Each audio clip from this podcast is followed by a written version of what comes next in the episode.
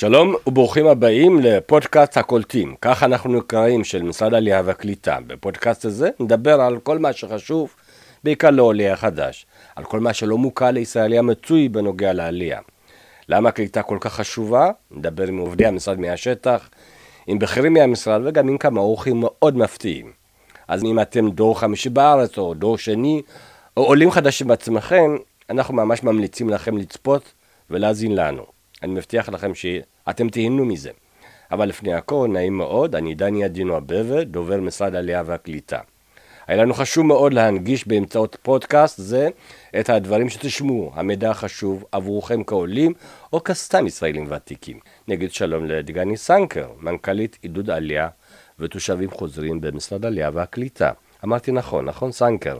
סנקר, אבל אני סמנכ"לית עידוד עלייה לא, מיניתי אותך למנכ"ל עכשיו? כן. יפה, אני, אני תמיד מקדם, שתדעי. תגידי, למה צריך לעודד עולים להגיע לפה? כן, אני חושבת שזו באמת שאלה נכונה. במיוחד בעידן הזה שהכול אה, פתוח לרווחה והמידע מונח בכל אה, ערוץ שאתה רק יכול לדמיין לעצמך, בין אם זה חוכמת המונים ובין אם זה אה, אחרים. אני אומר שאנחנו אה, נמצאים היום במצב שחצי מהעם היהודי נמצא במדינת ישראל וחציו לא נמצא במדינת ישראל. ואנחנו מנסים ורואים את זה כחובה שלנו לנסות ולהגיע לכמה שיותר אה, קהלים. בין שהם משויכים לקהילה יהודית, מזוהים עם העם היהודי, אנחנו קוראים לזה affiliated, ובין שהם unaffiliated ונמצאים במעגלים מאוד מאוד רחבים. הכלי שלנו להגיע לזה זה באמצעות אה, הדבר הזה שנקרא עידוד עלייה. מה זה אומר? בכל הנוגע לפעולות של המשרד ומה שקורה בחו"ל, יש בעצם שני שלבים מרכזיים. הראשון זה עידוד עלייה, מה שאתה, לשאלתך, חשיפה לרעיון העלייה. חשיפה לאופציה הזאת שהיא נמצאת על השולחן, שהמדינה רוצה אותך, שהמדינה יודעת להציע לך אה, כלים לקליטה נכונה ולהשתלבות נכונה. בסדר? זה, זה השלב הראשון. השלב השני זה כל מה שקשור בהכנה לעלייה. אה, העברית שלך, התעסוקה שלך, החינוך של הילדים, איך לשלב אותם וכל הדבר הזה. אז כמו שאמרתי, שתי לבנות מרכזיות. עידוד, חשיפה לרעיון, והכנה ברמה הפרקטית יותר. ובואו נדבר קצת על, ה, על ה, הישראלי המצוי שיושב בגדרה, בשלומי. הוא אומר, מה אתם מעודדים אותם לעלות? שעלו בעצמם מתוך מניעים ציוניים. כן, אז, אז אני אומר ככה, אה, אנחנו תמיד מדברים על גורמי דחיפה וגורמי משיכה. בסדר? גורמי דחיפה זה אומר מה מניע את הבן אדם לעזוב באמת את העיר שהוא גר בה, את המדינה שהוא גר בה. אני תמיד נותנת דוגמה על רמות הקושי כשאנחנו, אנחנו ישראלים שצריכים לעבור משכונה א' בבת ים לשכונה ב' בבת ים, כמה זה לוקח מאיתנו. בואו נדמיין שאנחנו צריכים לעבור מהמרכז לצפון, כמה זה לוקח מאיתנו. אז כל שכן כשמדובר באמת על, על מה שאתה עוזב, את הרחוב, את העיר, את השכונה, את הארץ, את היבשת. Uh, עד כמה הדבר הזה הוא מאוד מאוד מאוד מאוד uh, קשה, וכשאני מדברת עם הישראלים ואני מסבירה להם שלעשות שינוי תודעתי כזה, אתה חייב לעבור כברת דרך. ואני חושבת שאנחנו צריכים להיות שם יד ביד בכברת דרך הזו. מה האתגר? להביא אותו לפה, לקלוט אותו? איפה האתגר המרכזי שאת, מגל... שאת מצליחה לגלות? תראה, האתגר הראשון בעיניי אה, זה לנסות... או להשאיר אותו פה אחרי שהוא עלה? אה, אה זו שאלה. אז בואו בוא, בוא נדבר על אתגרים בעולם הזה של עידוד עלייה, טרום, הגע, טרום הגיעו לארץ, או טרום קבלת ההחלטה. אני חושבת שהדבר הראשון שצריך ליפול לאסימון, זה שפה במדינת ישראל יש את החיים היהודיים למי שרואה את עצמו שייך, הכי טובים שאפשר להציע לו ולילדיו. אני חושבת שזה בראש ובראשונה האתגר הראשון שאפשר וצריך לייצר אותו. להסביר לו שזה כן. לשנות תודעה mm. במובן הזה, שרק פה ניתן לחיות חיים יהודיים מלאים, איכותיים, עם חינוך יהודי נפלא לילדים שלו, ולראות את עצמך בעוד שלושה, בעוד ארבעה דורות, ממשיך את הדבר הזה שנקרא עם ישראל וארץ ישראל ומדינת ישראל, זה דרך הסיפור הזה של אה, עלייה. אבל בכל הנוגע לאתגרי הקליטה, אם אני צריכה למקד אותם, אז אני באמת אה, אה, אסתובב סביב שני דברים מרכזיים. הראשון זה כל נושא הקניית השפה העברית. זה תמיד היה. כן, בדיוק. וזה כן. זה תמיד יהיה. עברית שפה קשה, אז אנחנו ממשיכים באותו מאמץ. אגב, אני רוצה לספר אה, בגאווה מסוימת, שהיום, בשונה משנים קודמות, את חלק מהסיפור של העברית, אנחנו כבר מתחילים בארץ המוצא. כך שהוא מגיע לפה... שבעצם שלפני שהוא עולה, מתחיל את האולפן. נכון. האתגר השני שאני מדברת עליו בעולם הזה של הקליטה, זה אתגר התעסוקה. כל מה שקשור ב- ב- ב- בהשתלבות בעולם התעסוקה. ואנחנו, אפילו אומר, אנחנו לא מסתפקים רק בהשתלבות בעולם התעסוקה. אנחנו רוצים שעולים יהיו בתעסוקה איכותית. אנחנו לא רוצים שמי שהיה שם אה, כימאי, יבוא לפה ויהיה עוזר רוקח. אנחנו רוצים שמי שהיה שם כימאי, חוקר, יהיה פה כימאי חוקר. אני רוצה להתעכב על זה שאפשר להיות ישראלי דובר רוסית טובה, דובר אה, הינדית ודובר ספרדית. השאלה אם אנחנו לא מבקשים מהם למחוק את העבר שלהם. נכון. אז, אז אני באמת אומרת, ואת זה אני אומרת לזכות אנשי המקצוע המופלאים שנמצאים במשרד העלייה והקליטה, שממש ב, בשלב הראשון שלי בקליטה במשרד, מיד העמידו אותי על טעותי, בדיוק כמו שאתה אומר. שמי שלא ניצב על רגליים יציבות עם התרבות שלו, עם המסורת שלו, עם השפה שלו, היכולת שלו אה, להשתלב היא קשה יותר.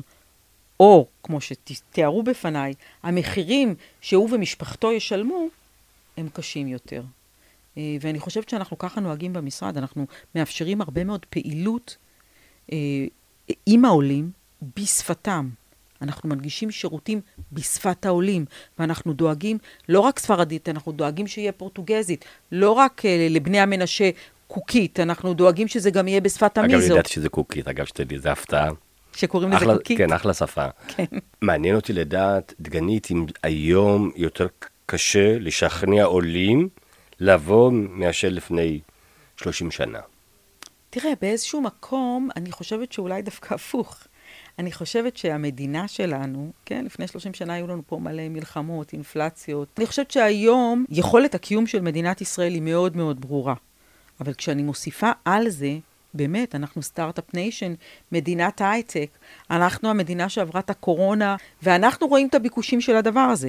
כשאני באה לנטר מה קרה לנו מאז הקורונה, אנחנו רואים גידול בביקוש לעלייה, בפתיחת תיקי עלייה, בין 200 ל-400, בחלק מהחודשים זה אפילו היה 600 אחוז. ולכן במובנים מסוימים, לא בכל המובנים, אבל במובנים מסוימים, זה הפך להיות יותר קל ויותר, הייתי אומרת, אה, סקסי לבוא למדינת ישראל ולהתגורר בה. מה, זה יותר כאילו הקשר ישיר באמצעות זום, טלפון או כאלה. בואי נדבר קצת על עולים ממדינות מצוקה. בבקשה. ואיך זה הולך שם? זאת אומרת, אני מניח שבחלק מהמדינות אי אפשר לדבר איתם בזום, ואי אפשר לדבר איתם בוואטסאפ, כן. ולהפגיש אותם עם איזה אה, מעודד עלייה. ראשית, אני רוצה לומר שיש לנו אנשים טובים, שליחי עלייה לא שלנו, של הסוכנות היהודית, אבל כמובן בתמיכה שלנו, שנמצאים כמעט בכל מקום. אה, ולכן גם כשאנחנו מדברים על מדינות מצוקה, אנחנו יודעים אה, להגיע לכל יהודי בעולם שירצה לעלות.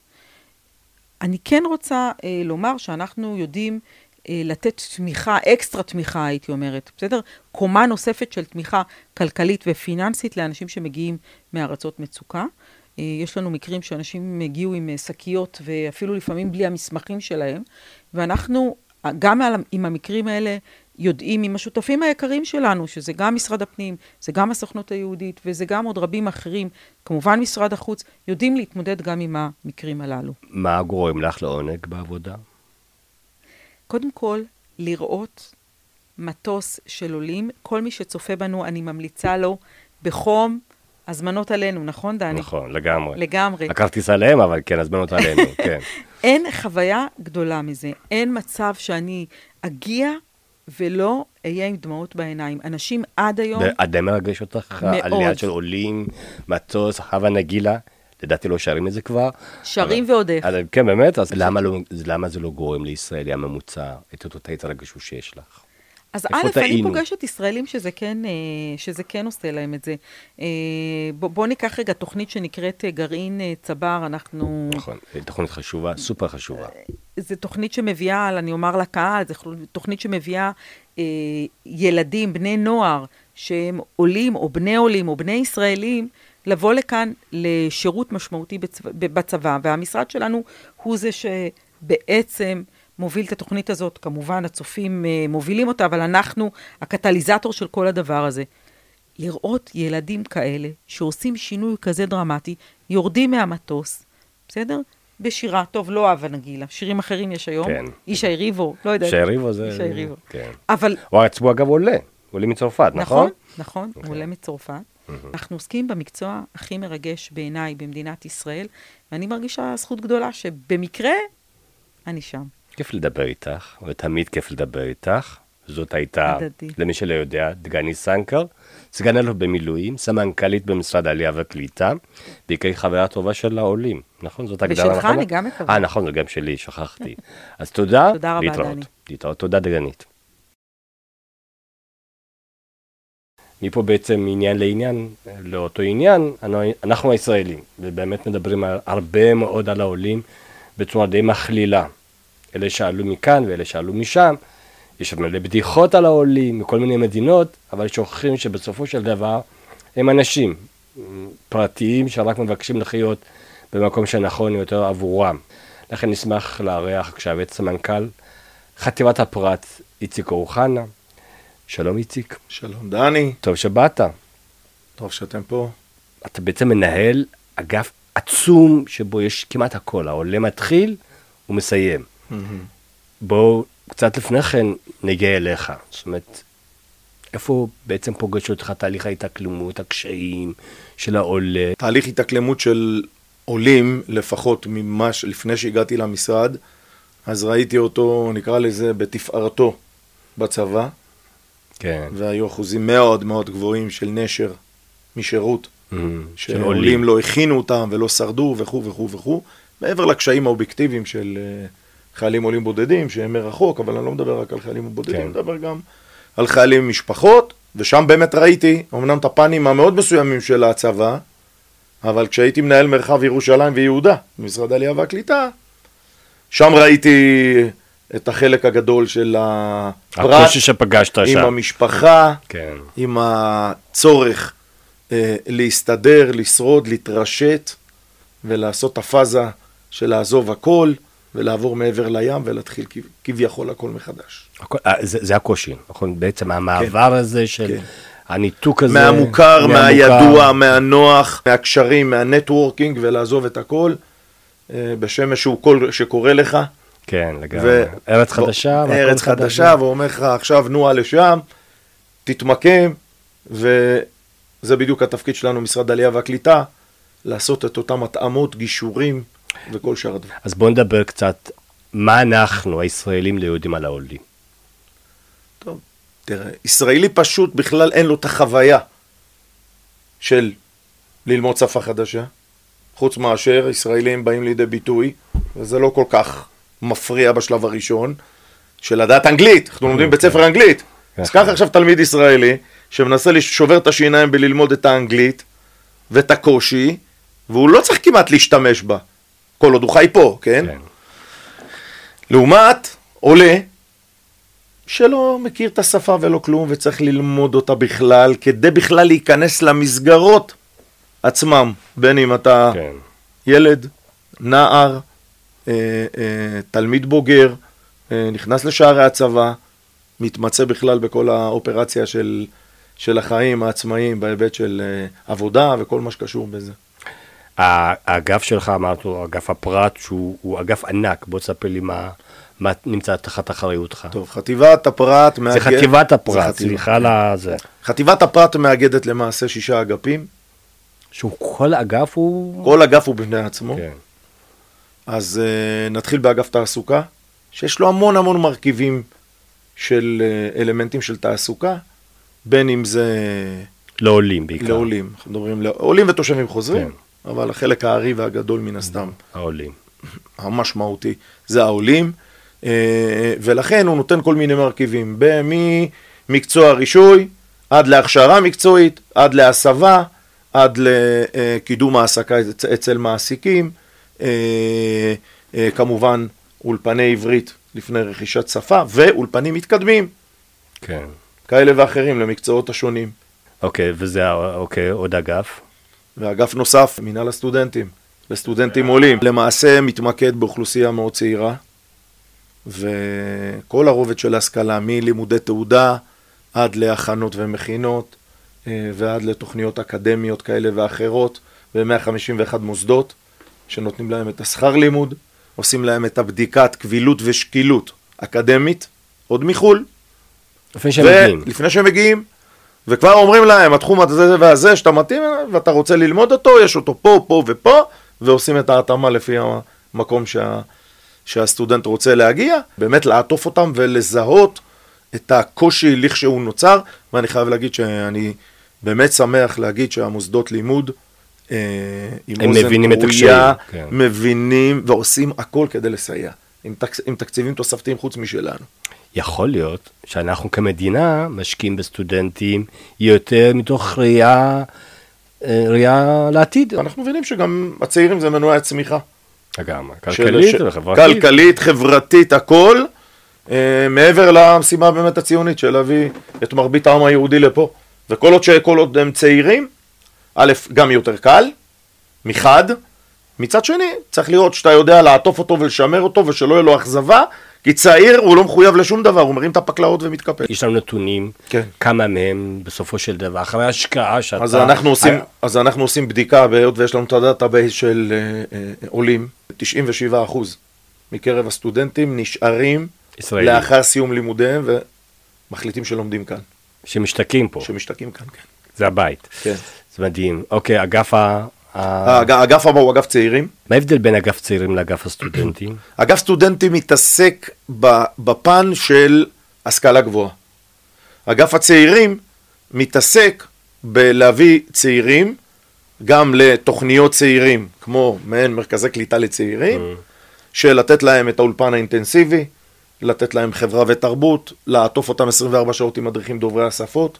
בכל עיתוי, להסליל את הבן אדם הנכון מתוך המרכזים לאגפים הרלוונטיים. כמובן יזמות עסקית, יזמות עסקית, שזה אגב, אה, הרבה מאוד עולים מגיעים, שזה אגף אה, בפני עצמו אצלך, כן. אבל זה חלק מהרעיון הזה שבעצם העולים מגיעים מהעסקים שלהם, או שפותחים או עסקים להקים בארץ, עסקים, כן, או כן. העתקת עסקים, כן. ובעיקר, בעיקר זה הקמת עסקים. הם רואים בזה באמת עוגן תעסוקתי מאוד משמעותי. עכשיו, כל עלייה והמאפיינים שלה, אבל יש מאפיינים מארצות שונות שהם פשוט יזמים בקטע שלהם. כאילו בהיבט שלהם, הם רגילים בארצות המוצא לפתוח בונז'וריה ולפתוח אה, אה, בית קפה ולפתוח עסק כזה ולפתוח... הם אוהבים להיות עצמאים. שזה מאוד פחות, יפה. מס, פחות להיות אה, שכירים. מועסקים, כן. בדיוק. והיפה בזה שוואנס פתח, אז בדקנו, בכל עסק שעולה פתח, לפחות 3.8 כמדומני, אה, מתוכם, אה, מתוך העובדים של העסק הם עולים. זאת אומרת, עולים, מעסיקים עולה, עולים. שזה הישג הכי... שזה, אני לא, תשמע, השרידות היא- החשובה, כאילו בהיבט שאתה מסתכל עליה. אבל לא פחות חשובה, שעולה- זה השילוב כן. והאינטגרציה שבעסקים שאתה עושה עם עולים. זה לדעתי הישג, אה, כמובן קליטה במדע. קליטה במדע, כל עולם המדענים, גם- גם במחקר וגם בתעשייה, שזה אגב מצליח, אה, חד משמעי. כן.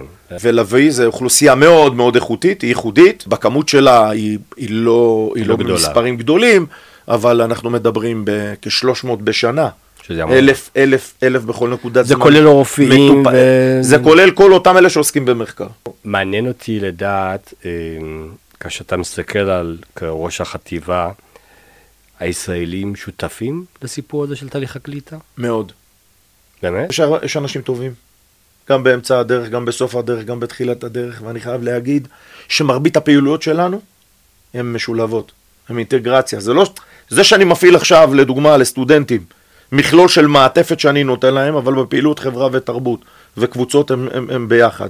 זה שאני מפעיל מנהיגות עולה לצעיר, לעולים צעירים ברשויות המקומיות, אז קבוצות, ותיקים, עושים, עושים פעילות ביחד איתם. חיילים, כור היתוך הכי טוב שבעולם. אז יש לך חונכים ומדריכים והכל, ישראלים טובים שרוצים לסייע והם נמצאים כ... כמנטורים. כ- כמנטורים, כן, כן. לליווי של התהליך. גם עולים, ותיקים כבר, כן. שהסתדרו וחוו את זה, שזה... שזה אה, העזרה לדעתי, מה- מתוך חוויה. מתוכם, מתוך בעירה, אני עברתי את זה, אני לא אתן לו לעבור את האלף, בית, גימל, דלת, אבל יש מגוון רחב מאוד, וכמובן מעסיקים וכאלה, שזה ווין ווין. כן. אתה רוצה לקלוט, יש לך צורך, ביקוש, ויש לך מצאי של פוטנציאל, והחוכמה לעשות את השילוב. עלייה זאת חוויה? עלייה זאת חוויה לטעמי, היא לא פשוטה, טומנת, כמו שאמרתי, תהליך מאוד, אה, מאוד לא פשוט בכל מיני היבטים, בטח במשפחות, אבל אה, אה, זהו, אני אומר, צריך לעשות את זה חוויה טובה. המטרה שלנו זה מחוויה רגילה, שבאתי בציונות, אני באתי, רציתי לבוא, הכל בסדר, זה לא כפינו על אף אחד. כן. ו... וצריך להפוך את זה לחוויה שיזכרו אותה טוב. עברתי פרק, השתלפתי יופי. זה המסר. אני אומר זה כמו תוכנית אחד נגד מאה. היה של אברי גלעד. כן. זוכר? תוכנית כן, אחד נגד מאה. אז תמיד אני אומר חבר מביא חבר, כי אתה נותן יד, יש לו שתי ידיים, מקסימום מביא שתיים. אחד מבריח מאה. נכון. אם לא עשינו את זה טוב, הפה שלו והתשדורת לחו"ל חברים, לא כן. קולטים פה טוב, לא מתייחסים, חלילה. כן. זה יכול להבריח יותר ממאה, אז לכן אנחנו צריכים uh, להיות עם היד על הדופק בעניין הזה. איציק, אתה מרתק, וזה כיף לשמוע. איציק אוחנה, ראש חטיבת הפרט במשרד העלייה והקליטה, תודה רבה. היה לעונג לארח. אותך. וזהו, נראה לי שסיימנו. אם כן, ראינו ושמענו גם למה לחברה הישראלית כדאי לקבל את העולים ולשלבם בתוכה. הרי כולנו עולים, אתם יודעים את זה, נכון? או בני עולים. ואם לא אנחנו, אז שכנינו, אלה שגרים מולנו, הם אה, עולים חדשים. אני מודה לכם באופן אישי שהאזנתם או צפיתם בפודקאסט הזה. הפרק הזה הוא, הוא רק תחילתו של מסע קצר שבסופו נבין למה לנו עלייה ולמה לנו קליטה בכלל. ולעולים החדשים שבינינו, כן, גם אני הייתי פעם עולה חדש, בהמשך נשמע סודות והסברים מפי עובדי המשרד, בתקווה ש, ששאלות ותהיות יתבהרו. וכל תהליך יהפוך לפשוט יותר, נעים יותר, אז תישארו עמנו. בכל מקרה, תעקבו אחרינו בפייסבוק, כן, יש לנו עמוד פייסבוק די פורח במשרד של משרד העלייה והקליטה, באינסטגרם, בטוויטר, יש לנו הכל. ואנחנו גם זמינים שם באתר האינטרנט של המשרד, שהוא באמת על כל מה שתרצו, תוכלו למצוא שם. אם אהבתם, בטח אהבתם, תעשו לנו לייקים. פרגנו לנו, באמת מגיע לנו. ואם לא, הכל טוב. פשוט דברו איתנו, תעבירו את הפרק שצפיתם לחברים שלכם. אם יש מישהו שבדיוק עכשיו עולה לארץ, תעבירו לו שיראה את הפודקאסט וידע את הזכויות שלו. עד אז, שניפגש בפרקים הבאים, תהיו שלום.